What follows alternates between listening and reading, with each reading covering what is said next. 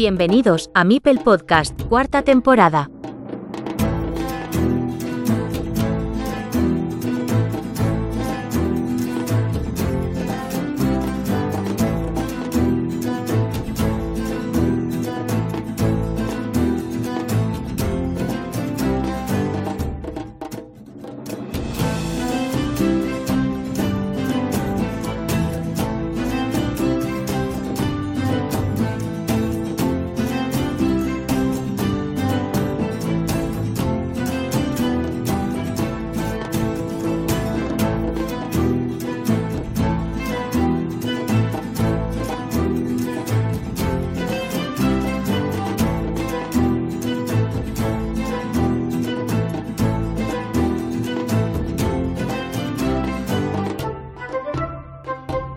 Muy buenas, bienvenidos de nuevo a Mipel Podcast. Nueva entrevista de la comunidad española. Nueva entrevista a un jugador de Carcassonne Spain.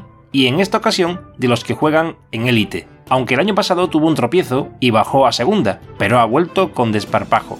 Es un señor de sangre caliente, en un país un poco frío, porque no está en España, no reside en su lugar de origen, que es Canarias, sino que se ha ido a tomar por saco puesto que el deber laboral lo llama. Y vamos directamente a abrir la puerta de nuestro canal sonoro a Texenen, Bienvenido, my friend, ¿cómo estás? Hola Joaquín, ¿qué tal? ¿Cómo estás? Pues yo muy bien, muchas gracias por tu presentación y muy contento de estar aquí en, tu famoso podcast para, pues eso, para intentar que la gente me conozca un poco más. Igual que gracias a las entrevistas que has, hecho a otros compañeros, pues, pues he ido pudiendo conocer un poco al resto de, de compañeros de la comunidad. ¿Quién te puso ese nombre? Y dime la verdad, ¿en Canarias Texenen es como Manuel en la península? No me digas que sí porque no me lo creo. no, no, para nada, para nada. No es un nombre como lo sería Manuel o Antonio o, José, ¿no? El nombre es un nombre aborigen canario, ¿no? Y, y, si te soy sincero, pues yo no conozco personalmente a ningún otro texenén, ¿no? Sí es verdad que, que muchas de las personas que nacimos en España en los 80 y, los 90, pues, pues tenemos nombres de este tipo, ¿no? Nombres canarios. Eran nombres que estaban antiguamente prohibidos en, en, la época de la dictadura, ¿no? Y entonces, pues eso, pues en los 80 un poco un boom, el que, que los, los, bebés pues se les pusiera nombres canarios, ¿no? Nombres de la cultura canaria. Y es más, es que si yo miro en mi casa, mis hermanos, mis primos, y luego ahora los, niños que han venido de, mis primos y mis hermanos, pues se sigue un poco esa tradición, ¿no? Eh, a mí me parece una cosa bonita, aunque es verdad que, tengo que decir que mi nombre es que es muy complicado. Pero bueno, Texenen. Así que, como no van a conocer muchos, pues, pues, pues yo seré el primero y posiblemente el único. ¿Qué te ha hecho marcharte de nuestro país? Ya sé que se trata del tema del curro y eso. Y también sé que la gente que te conoce sabe de qué va todo. Pero cuéntanos a qué te dedicas y cómo has acabado donde estás ahora mismo. Pues sí, pues yo ahora mismo no, no resido en, en, España, no resido en Canarias. Yo ahora mismo vivo en la ciudad de Maastricht, al sur de los Países Bajos. Eh, pues básicamente porque yo soy músico, ¿no? Yo, yo soy flautista, esa es mi profesión y digamos que mm, no tengo un trabajo estable, un trabajo fijo, sino que toco con diferentes agrupaciones, diferentes orquestas. Yo eso, toco, suelo tocar en, orquestas sinfónicas, en España, en Holanda, en, otras zonas, ¿no? Y, pues la razón por la que me vine aquí es porque mi pareja también es músico, ella, ella toca la viola, que es como si fuese un, violín un poquito más grande, ¿no? Y ella consiguió su, su plaza aquí, ella tiene una plaza estable en una orquesta aquí, pues pues nada, estuve un tiempo yendo y viniendo, trabajando en Canarias, trabajando en Holanda, trabajando en Canarias, trabajando en Holanda. Y ya que pasé demasiadas horas en, en, aviones y decidí pues establecerme aquí. Y, y, pues cada vez que tengo que que moverme o trabajar en España, pues lo hago, pero, pero desde aquí. Así que sí, en Canarias está muy bien, pero yo ahora mismo estoy pasando frío y viendo nieve por la ventana, así que, que es un poquito duro para, para un canario. Te hemos visto por primera vez en el Nacional del año pasado, en 2023. Y fue una pasada porque además estuvieron miembros de Carcassonne.cat, toda la selección. También os entregaron un obsequio referente a la clasificación en el WTCOC. Y además teníais doble aliciente, que creo que nadie conocía, o muy pocos al menos. Y es que quien quedara mejor clasificado entre vosotros sería el elegido para representar a España, a través de la selección, me refiero, con esa nueva invitación de Hams Ingluck. Y encima estaba Pablito allí, tu paisano. ¿Cómo viviste en definitiva toda la experiencia? Sí, exactamente. En el julio pasado, pues, pues fui al Nacional, que no es que fuese mi primer Nacional, sino es que era mi primer torneo presencial uno contra uno a Carcasones. Fue una experiencia para mí fantástica.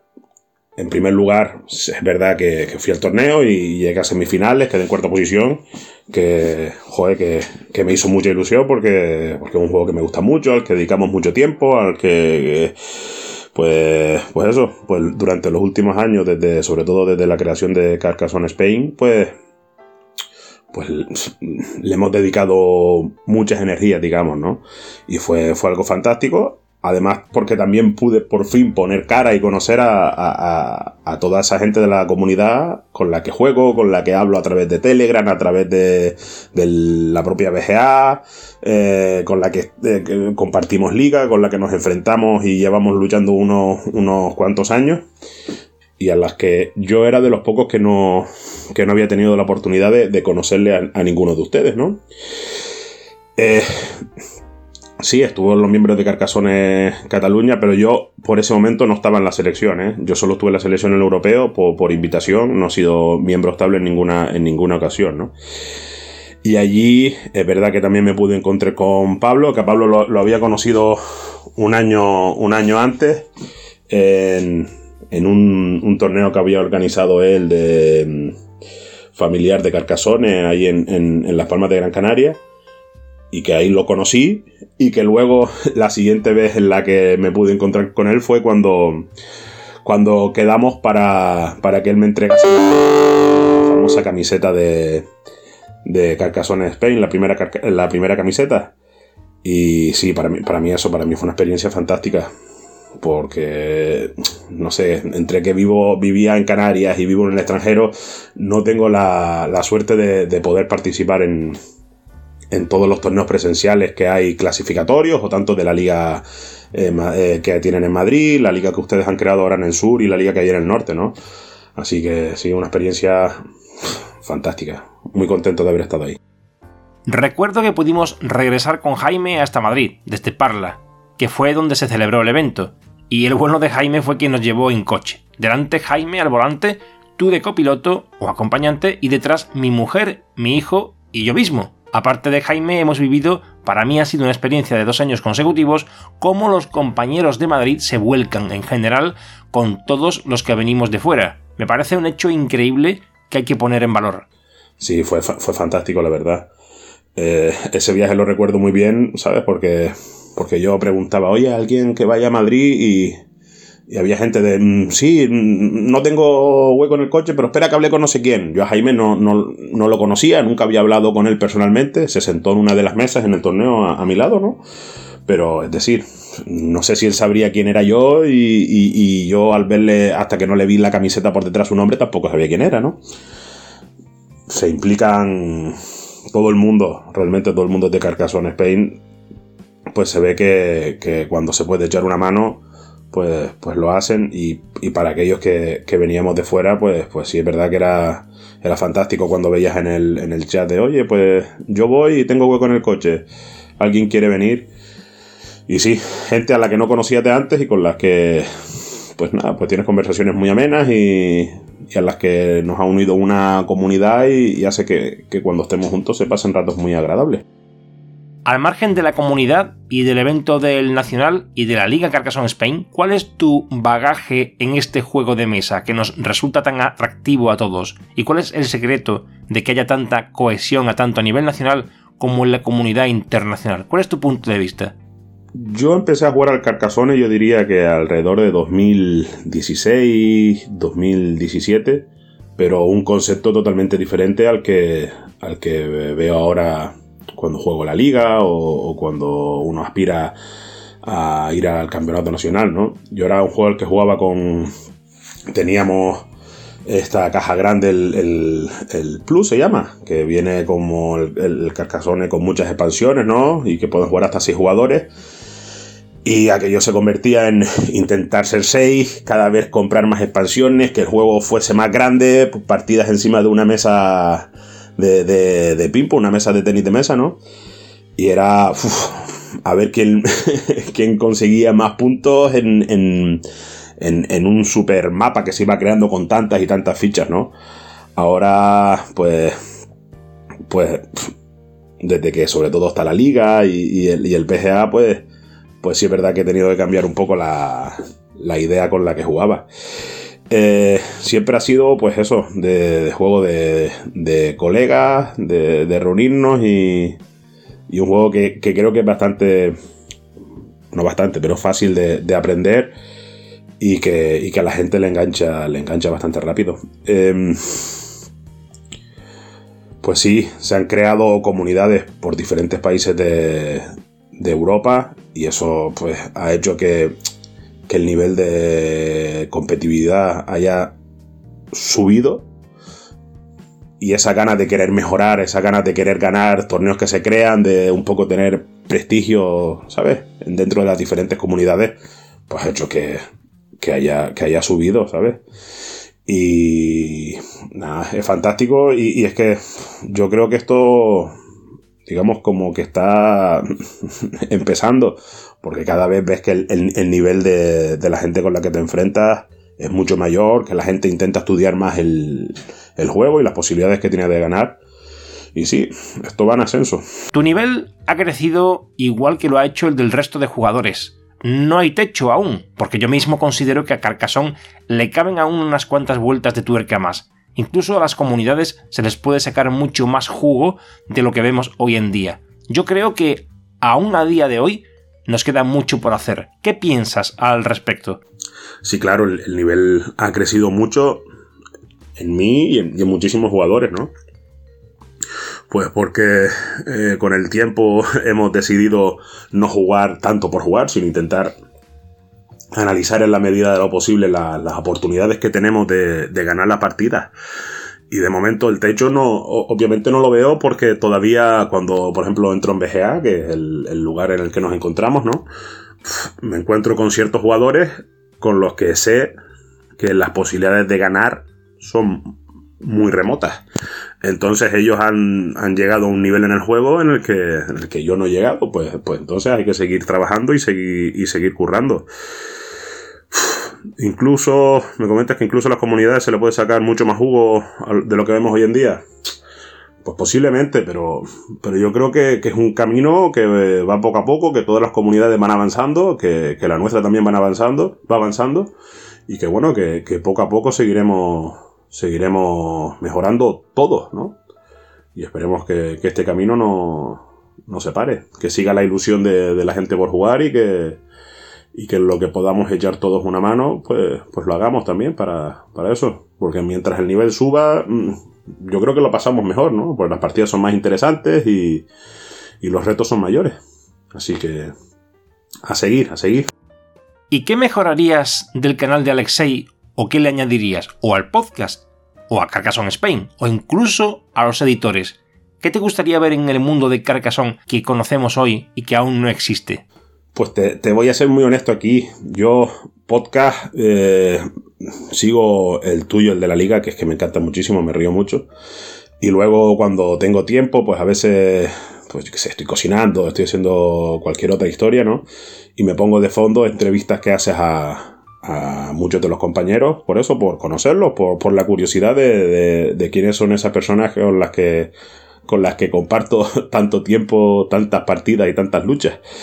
El de, el de Alexei es que no, no lo ha seguido, ¿sabes? Y además es que como una vez le gané y lo que me puso fue eh, Lucky, Lucky Guy, pues desde eso tampoco es que le tengo mucho cariño, no te voy a mentir. Nada, yo creo que, la base que hay en, todo es buena, que si la comunidad está creciendo es porque, porque, porque gusta lo que hay, porque gusta el producto y porque, y porque bueno, pues que va siguiendo, va siguiendo su curso y tampoco hay que, que forzarle mucho las tuercas. Poco a poco y, y a seguir por donde vamos, es que no hay más. Háblame, Texe, de tu particular rendimiento en la Liga Élite y cómo te ves este año. Mi rendimiento en la, en la Liga Élite eh, se basa en, en, sufrir. Es decir, de las cuatro temporadas que llevamos, he estado las dos primeras en Élite, eh, la tercera en segunda y he vuelto a Élite. Y, es que yo estoy contento con, con mis resultados. Es decir, a, día de hoy he jugado 12 partidas y, he ganado 6. Y, el, y el, la diferencia, más o menos, pues estoy a, a, si no me equivoco, estoy a cero, ¿no? Pero es que todavía sí, en este tren que tenemos todos, que estamos muy cerca, es que estoy tirando abajo. Es decir, ayer gané mi partida y, salí del descenso. Es que, está, es que la liga eh, élite es muy complicada. La primera temporada me salvé, pero, pero muy a última hora. Eh, la segunda, pues, pues me quedé en, los puestos de, de, la cola en promoción de descenso y en, y en la lucha de, de, promoción me llevé un, una paliza, un 3-0. Es que Elite es muy, muy, muy complicada. Y no solo porque sí, hay rivales buenos, no, no, es que todos podemos ganarnos a todos. Y, después hay, hay compañeros que, que, son muy buenos, que son muy buenos. Pero, pero como se está viendo, eh, respecto a las primeras temporadas, los nombres en, en, la posición están cambiando. Hay gente que está arriba haciendo muy buena liga que antes estaba en temporadas pasadas estaba en temporada más en, en, zona de la tabla un poco más intermedia digamos así que pues, intentar luchar e intentar salvarse. Mi, objetivo siempre en élite es, salvarme.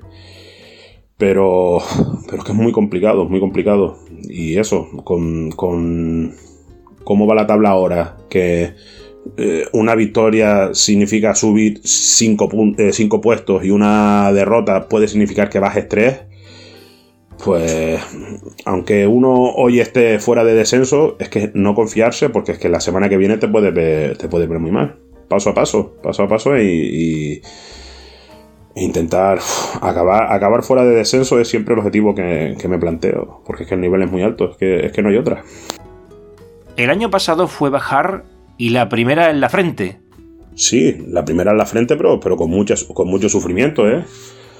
La primera parte de la temporada es que estuve estuve en la zona baja, incluso en puestos de descenso, hasta que después cogí una racha de, no sé si fueron cinco o seis duelos en los que gané y pude ascender, pero, pero es que el nivel de segunda era y, y, es que es muy alto, es que es muy alto. Eso se pudo ver en el Nacional, ¿no? Que los, los cuatro semifinalistas éramos de segunda. Ojo, ojo con ese dato. Este año me la has devuelto. Exactamente, el año pasado la primera jornada en segunda, mm, que uno viene de primera pensando, bueno, yo creo que podré subir tranquilamente, ¿no? La primera jornada me clavaste, si no me equivoco, un 2-0, pero de esos de, paliza, de paliza que duele. Me lo guardé en la cartera y este año, pues te lo devolví, compañero, te lo devolví. Me he dado cuenta que en referencia a mi podcast, a la gente una de las cosas que más le gustan son los resúmenes de las jornadas de liga. ¿Qué es lo que más disfrutas tú de este canal sonoro? Yo es que me, me, lo paso muy bien, me lo paso muy bien con tus resúmenes. Música muy buena, comentarios muy, muy graciosos y no abandones, no abandones los resúmenes, Joaquín, no los abandones porque, porque es que son muy divertidos. Dime algo que no sepamos de Texe. Un titular, por ejemplo, que no te gustan los plátanos o que solo comes verdura no seas mamón y di algo de verdad que no sepamos y que sea sorprendente, al menos para los que no saben de ti. Pues no sé, tío, no sé, aquí la verdad es que no sé qué decirte. Que yo creo que soy un, un ser humano muy estándar, ¿sabes? los plátanos sí, los plátanos me gustan mucho, ahí no te puedo, no, no, te puedo sorprender. Y la verdura sí, pero, pero viene acompañada con otras cosas, ¿no? No sé, pues eso. Es que, es que, es que, es que no sé qué decirte, ¿eh? con esta pregunta me dejas un poco, un poco, un poco doblado. Pues no sé, no sé. Lo pensaré y en el siguiente podcast dentro de cinco años, pues, pues intentaré darte una respuesta, pero ahora mismo es que no, que no sé. Bueno, no sé qué más preguntarte porque en realidad a cada invitado le hago unas preguntas distintas, aunque algunas sean recurrentes. Dime tú algo que no te gustaría dejar de comentar antes de despedirnos. Pues básicamente darte las gracias a ti por, por la invitación y por todo el contenido que creas y también dar las gracias a todos los compañeros que, se implican en, que disfrutemos de esta de este juego y que, y que, y que emplean su tiempo en, en que nosotros podemos tener una competición organizada y, y pasarlo bien. Así que muchas gracias a todos. ¿Tienes pensamiento de ir al Nacional de 2024? Tengo pensamiento de, ir, tengo, me haría mucha ilusión volver. El, problema que tengo yo es, el siguiente, es que mm, torneos presenciales, pues, pues no, no, puedo ir, es decir, porque uno, no estoy en España y, eso es un, freno que tengo. Y, el, y el, lo que me queda a mí es poder clasificarme a través de la liga. Y ahora mismo eh, estoy por la zona más baja que por la zona alta. Así que habrá que ver el reparto de plaza y. y esperar a tener suerte. Ojalá que sí, ojalá que sí. Yo tengo, tengo ilusión porque el año pasado lo pasé muy bien y, y si puedo ir, pues iré. Pero eso, en, mi caso, siempre pues me queda el, el intentar conseguir una buena posición en liga, que es complicado, o el rebote de plazas de que ustedes vayan consiguiendo plazas en los torneos y luego las plazas destinadas a, la liga que vayan pasando a otros compañeros y yo sé uno de esos. Lo, tengo muy complicado, el, creo, ahora mismo creo que tengo muy complicado conseguir una, una plaza, pero bueno, la ilusión está ahí y, y esperemos que sí, esperemos que sí. Pues yo digo lo que dije el año pasado, que toda la élite participará en el Nacional. Aunque creo que este año hay un posible hándicap y es el hecho de que la liga finaliza antes que muchos clasificatorios. Seguro, lo ideal es que los clasificatorios presenciales clasifiquen a la gente y luego las plazas de la Liga Carcassonne Spain corran turno al siguiente y esa creo que es tu baza. Bueno, última pregunta. ¿Qué otros juegos distintos de Carcassonne te hacen tilín? Tengo que ser honesto y desde que, ha empezado este enganche y esta implicación y esta participación en la liga de Carcassonne y, y, desde que conocí BGA, pues, pues he abandonado un poco los otros juegos de mesa, ¿no? Pero sí, entre mi grupo de amigos y, tal, siempre, siempre ha habido juegos de mesa. Por ejemplo, el, el Catán es un juego al que he jugado muy poco pero que, que, no, que nos divertíamos mucho. El, Risk, yo creo que, al Risk he jugado muchísimo también, aunque era muy malo. Y el último juego que me, regaló eh, mi pareja fue el Ticket to Ride, que puede ser ese Pasajeros al tren o algo así que se llame. Y que está muy bien, sí, sí. Me gusta descubrir juegos, pero es verdad que, hace ya unos años en los que, que el Carcassonne ocupa demasiado tiempo del que dedicaba al ocio. Así que, que sí, me gustan otros juegos, pero, pero ya juego bastante poco a, a otros que no sean Carcassonne. Bueno, Texe, muchísimas gracias por participar. Nada, Joaquín, muchas gracias a ti y nos veremos en algún próximo duelo de Carcassonne, ¿no? Yo creo que sí. Seguro que sí, claro. Un abrazo para ti y otro a toda la audiencia del podcast. Nos vemos en el próximo episodio.